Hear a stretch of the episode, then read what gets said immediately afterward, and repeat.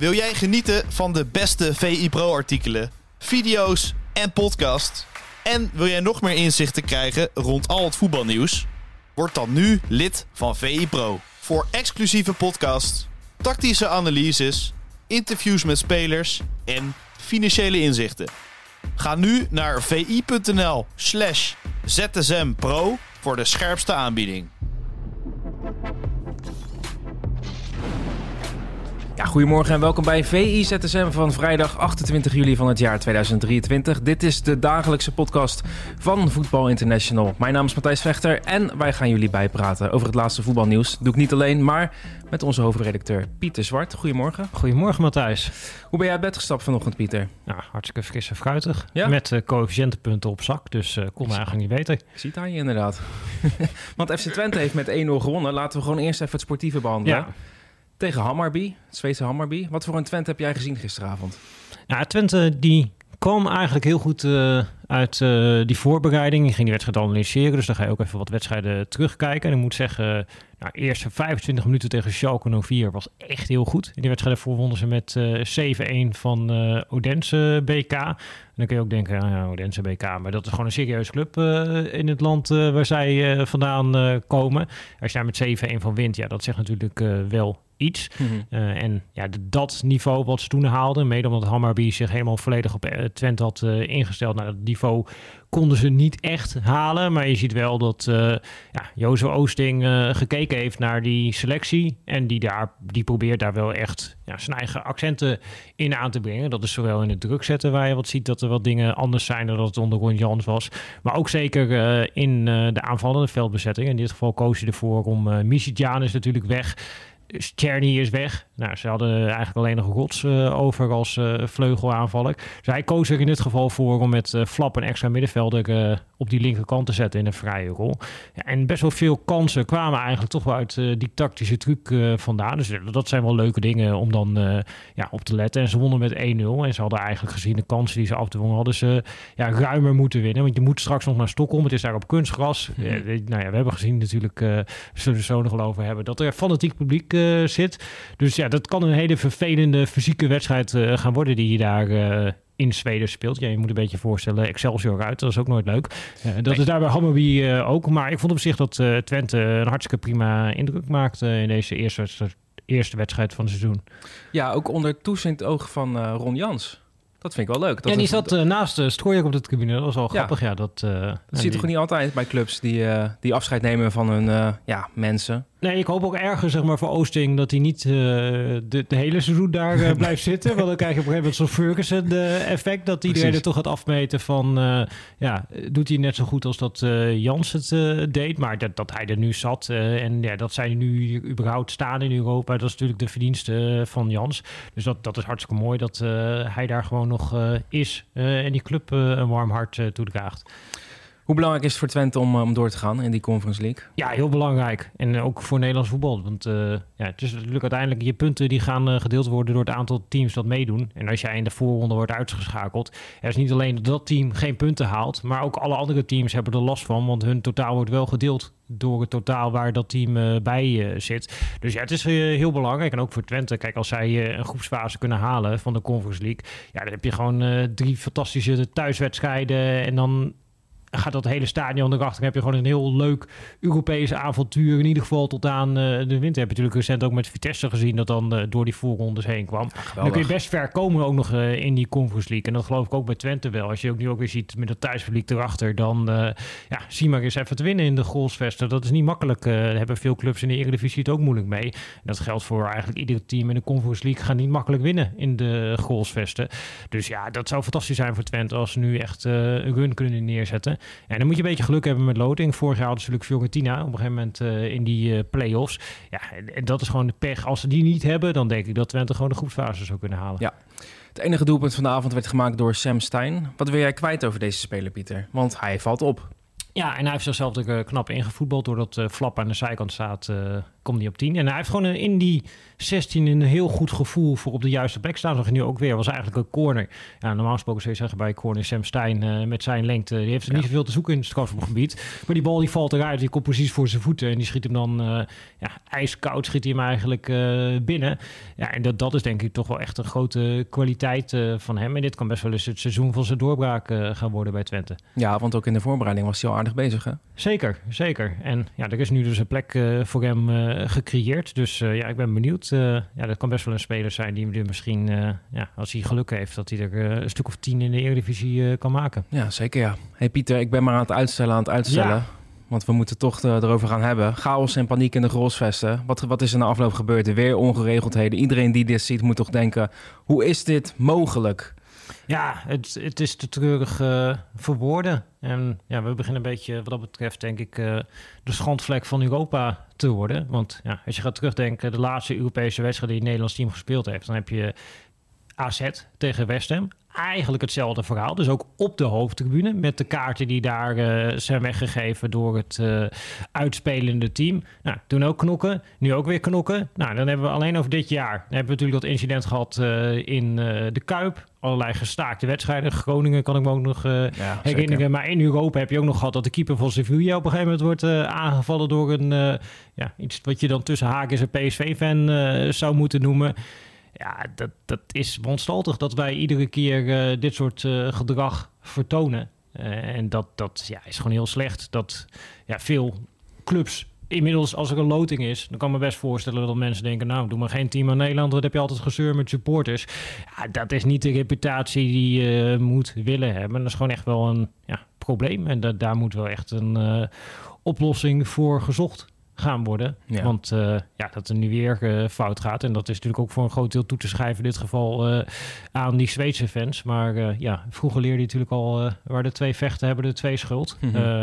het schijnt dat er volgens mij ook nog de Schalke supporters tussen hebben gestaan. Nou ja, goed, ja, het is allemaal niet meer bij te de, de details is allemaal heel vervelend. Maar ja, het ja, dit is niet wat je wil. En ja, wat ik zeg, het begint nu een lijst te worden.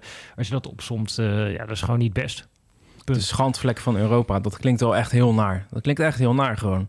Dat weer niet zijn als land. Nee, nee, maar als je dit opzomt en dit is allemaal in een paar maanden tijd en er zit er ook nog een zomerstop uh, tussen. Ja, dat is gewoon, uh, dat is, dat is gewoon niet goed. Nee. En uh, ja, de, daar zal over nagedacht moeten worden van, ja, wat willen we hiermee?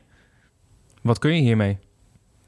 Ja, is uiteindelijk denk ik een sociologisch probleem. Want ja, kijk, je kunt voor een deel kun je zeggen van oké, okay, ja, er is een maatschappelijk probleem en uh, het is overal. En voor een deel is natuurlijk supportersgeweld uh, mm -hmm. ook uh, overal. Ja. En tegelijkertijd, nou, er wordt vaak Engeland als voorbeeld gebeur, genoemd. daar gebeurt ook nog wel het nodige. Maar je hebt natuurlijk ook Duitsland. En je bent ik recent ook bij Keulen geweest. En daar kunnen gewoon twee supportersgroepen door elkaar lopen. Ja, dat is een paar meter, ja.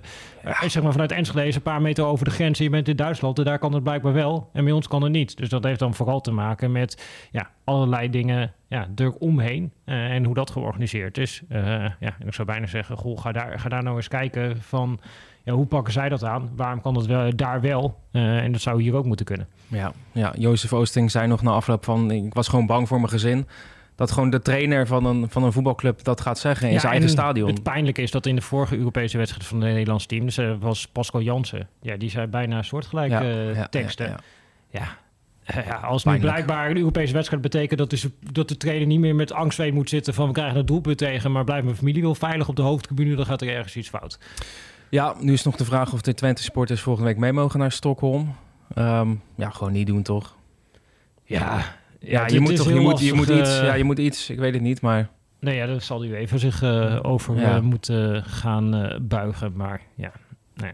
Het is, het is jammer dat we het hier weer over moeten hebben. Ja, dat is ook zo. Zullen we het over een voetbalbericht hebben? Het meest gelezen bericht op vi.nl gaat over Milan van Ewijk. Was natuurlijk een, een hele geweldige rechtsback van Heerenveen. Hij heeft zijn mm -hmm. transfer te pakken. Hij gaat naar Engeland toe. Waar gaat hij heen?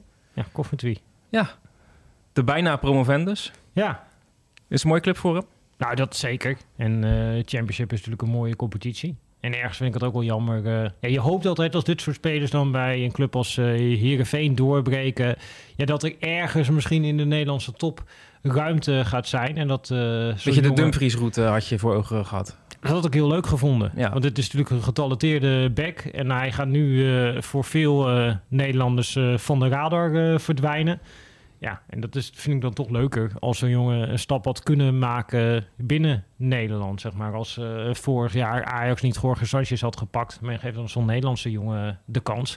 Ja, was wat mij betreft was dat eh, beter eh, geweest. Kijk, Ja. PSV probeert dan nu natuurlijk Sambo de kans te geven op rechtsback. Nou, daar valt misschien ook wel wat voor te zeggen. Feyenoord heeft Pedersen en eh Geert Ruiden nog rondlopen. Maar ja, en AZ heeft gekozen met Casius voor een andere Nederlander eh, als eh, rechtsback. Maar ja, ik had het toch wel leuk gevonden ja, als hij dan eh, die kans had gekregen. Omdat hij zowel defensief zie dat hij aanleg heeft... als dat hij offensief steeds meer is gaan bijdragen. Ja, dat is nu een speler, ja, die gaat het elders laten zien. En ja, ik ben er best wel ook van overtuigd dat hij het eh, hartstikke goed gaat doen daar eh, in de championship. Ja, zeker ja. Zullen wij naar de meest gelezen berichten op VI Pro gaan? Want dat zijn interviews met technisch directeuren. Ja, Die zijn blijkbaar heel erg gewild. Nou ja, we hebben natuurlijk zowel de technisch directeur van Ajax als die van PSV Ja. eh, op VI Pro staan momenteel. Dus ik zou ook zeggen, ja, ga dat lezen. En dat geeft wel een mooi inkijkje in ja, hun transferplannen. En het is ook wel grappig dat eigenlijk bij beide clubs dezelfde vraag van supporters boven de markt hangt. En dat is, eh, waar blijven die aankopen? Ja, dat is toch, dat komt elk jaar weer terug, hè? Dat komt elk jaar weer terug. En nou, dat, dat is wel leuk dat je een inkijk in het hoofd van die TD kijkt. Want het is natuurlijk eh, ja, voor ons aan de buitenkant is het makkelijk om te roepen van ja, we blijven die aankopen. En eh, nou, het duurt allemaal heel erg lang. En ja, zij geven toch ook wel een beetje een blik in de complexiteit daarachter. Eh, dus bij Ajax is het natuurlijk een beetje het verhaal. Ze hebben daar een enorm hoog eh, salarisbudget Ja. eh, hebben ze de afgelopen jaren eh, gehad. En gigantische uitgaven aan transfers. Daar heeft Tom Knipping recent ook nog een artikel over geschreven. Die- dat je eigenlijk al met een enorm tekort begint. Dus ja, er moest eerst geld gegenereerd worden. En dat vond ik ook wel grappig aan dat interview met Reon Boeringa van met Sven Mislintat. Dat je daarin terugleest dat ze, ze ergens ook een soort van miscalculatie eh, gemaakt hebben. Dus hij legt uit dat hij eigenlijk met Van der Bomen en Tahirovic, wat de Mhm. eerste twee aankopen eh, waren van Ajax, dat hij daarmee aan het anticiperen was op een vertrek van Alvarez naar Dortmund. Nou, dat ging op het laatste moment ging dan niet door. Nu is Alvarez eh, er nog steeds. En dus eigenlijk het budget, ja, wat ze hadden, hebben ze een beetje in eerste instantie daaraan eh, opgemaakt. Nou, nu begint er weer een nieuw budget te komen doordat eh, Timber verkocht eh, is en eh Tadic eh, van de salarislijst geschrapt is. Alleen ja, dat betekent dat ze nu pas zijn gaan kijken naar rechter centrale verdediger, waar ze natuurlijk met eh ja, er werd ook al duidelijk dat hij, dat werd in ieder geval niet ontkend, dat hij daar naartoe geweest was naar Kroatië om daar met iedereen kennis te maken. Ook al vond hij niet chic eh, om daar op in te gaan. Maar daar wordt nu pas op doorgepakt. En dat is eigenlijk omdat ja, dus de calculatie gemaakt was dat Alvarez de eerste was die zou gaan. En dat werd eh, Timber. En dat schopte eigenlijk dan de hele volgorde in de war. Ja. Eh, en die voorinvestering heb je dan nu gedaan op een plek ja, waar dat achteraf misschien niet zo heel hard nodig was. Nee, en daarom is het ook tricky, zoals Miss Lind dat zei. Ja, dat was een woord dat kwam denk ik, eh, als je Ctrl-F eh, in het interview kwam, eh, tricky kwam denk ik zeker tien keer voorbij. dus ja, we moeten wel met z'n allen begrijpen dat het een lastige situatie is Ja. waar Ajax in zit. En, maar gelukkig heeft hij twee telefoons waarmee hij voortdurend kan bellen. Uitstekend, Piet. Heb je ook twee telefoons of niet? Nee, ik heb maar één telefoon. Ja. Voor de, ja, misschien nog een tweede voor de transfers. Dat is toch wel. Dat zou handig zijn, hè? Ja. ja. Oké. Het wordt een beetje tricky, deze podcast, eh, Piet. ja. Zullen wij stoppen? Of Nou heb je nog ja, iets toe ja, te voegen? Misschien nog eh, Stuart. Dat, die, Ja, Stuart eh, kan nog even meenemen. heeft, Freek Jansen heeft Stuart geïnterviewd. We hadden gisteren ook een nou selectiescan van PSV op VE Pro staan. Ja, en het meest wat daar eigenlijk beklijft is... Ja, er moet achterin wat gaan gebeuren. Als je de afgelopen seizoenen Dat roepen ze al twee jaar. Ja, maar de afgelopen seizoen krijg je iedere keer eh, nou ja, 35 à 40 tegendoelpunten. Ja, en ondertussen ja, is daar eigenlijk niks aan gebeurd. Als je nu rechtsbacks gaat kijken eh, in de selectie... dan gaan ze het seizoen in met eh, Sambo en Kwaaitaal. Wie? Ja, Kwaaitaal. ja. ja. ja, dat zijn genoeg, toch? Die, die, die was twee weken geleden was het nog een linksbuiten. En die is nu is die, eh, de tweede rechtsachter van de PSV. Nou, dat, dat is prijzenswaardig dat spelers kansen krijgen. En tegelijkertijd het is wel duidelijk dat ja, daar eigenlijk nog wat zou moeten gebeuren. Als je echt Ja. ambitie hebt om kampioen te worden als PSV. Ja, nu ken jij eh, Peter Bos een beetje. Ehm, die zit wel op de deur te bonzen, of niet? Nou ja, ik denk dat uh, Bos op zich wel in dit soort situaties uh, rustig is. Er is natuurlijk ook wel een trainer die kansen wil geven aan uh, jeugdspelers. En die het ook leuk vindt om spelers op een andere positie uit te proberen. En tegelijkertijd zal hij wel heel duidelijk kenbaar maken richting Stewart ja, wat zijn wensen is. En ja, die wens zit denk ik met name op die rechter centrale positie achterin. Maar nu nog Romelio staat. Ja, daar wil je eigenlijk een ja, echte leider hebben die die hele defensiesturing kan geven. Uh, en ja, wat dat betreft uh, zullen ze in Eindhoven misschien ook wel positief gereageerd hebben op een nieuws dat, uh, Sanchez weinig voelt voor een overgang naar Spartak Moskou. Misschien wilde hij niet met Quincy Promes spelen, uit principiële redenen. Ja. Maar nou, die, wil, die schijnt niet naar Rusland te willen. Dus dat blijft dan misschien een optie voor PSV. Ja, en als je zo'n speler kan toevoegen, dus dan heb je Boskagli ja. voor de opbouw... en dan heb je een speler die makkelijk met grote ruimtes kan spelen... Ja, dan krijgt meteen dat hele elftal ook een ja, ander uh, gezicht. Uh, ja, en ook op het middenveld. Uh, ja, ze hebben volgens mij nu vier volwaardige spelers op het middenveld. Ja, daar moet ook nog wel wat gebeuren. En ja, Stuart geeft aan, hij is in ieder geval mee bezig. We gaan het zien, Pieter. Ja. Mag ik jou bedanken voor deze VI ZSM? Zeker, graag gedaan. En tot ZSM. Tot ZSM.